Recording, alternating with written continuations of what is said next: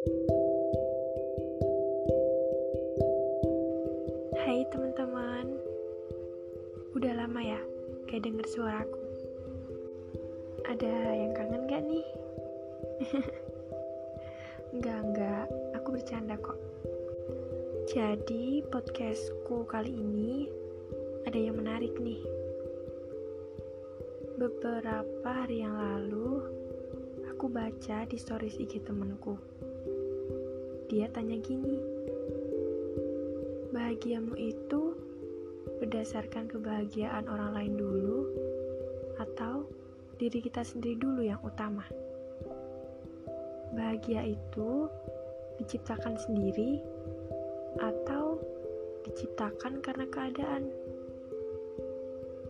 Menurutku, kebahagiaan itu tanggung jawabnya masing-masing. Bahagiain diri kita sendiri aja kadang masih belum mampu. Apalagi jadi tumpuan bahagianya orang lain. Gak apa-apa. Gak apa-apa kok egois buat kebahagiaan diri sendiri. Sekali-kali memang harus mendahulukan diri sendiri yang selalu ada dan selalu mengerti tentang kita, ya diri kita sendiri. Kebahagiaan kita ya diciptakan dari diri kita masing-masing. Yang benar-benar sayang sama diri kita, ya diri kita sendiri. Selama apa yang kamu lakukan gak merugikan orang lain, menurutku gak apa-apa.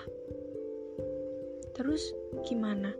kalau ternyata pilihan yang menurut kita akan membuat kita bahagia itu gagal dan membuat orang lain dan diri kita sendiri kecewa.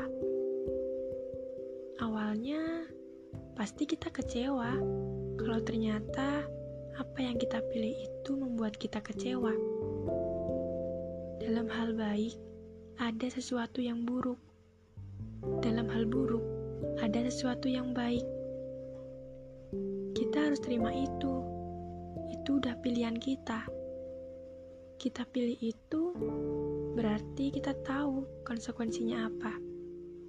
Jadi, kalau ada apa-apa, jangan terlalu berharap. Kalau bisa, jangan terlalu gantungin kebahagiaan diri kita pada orang lain.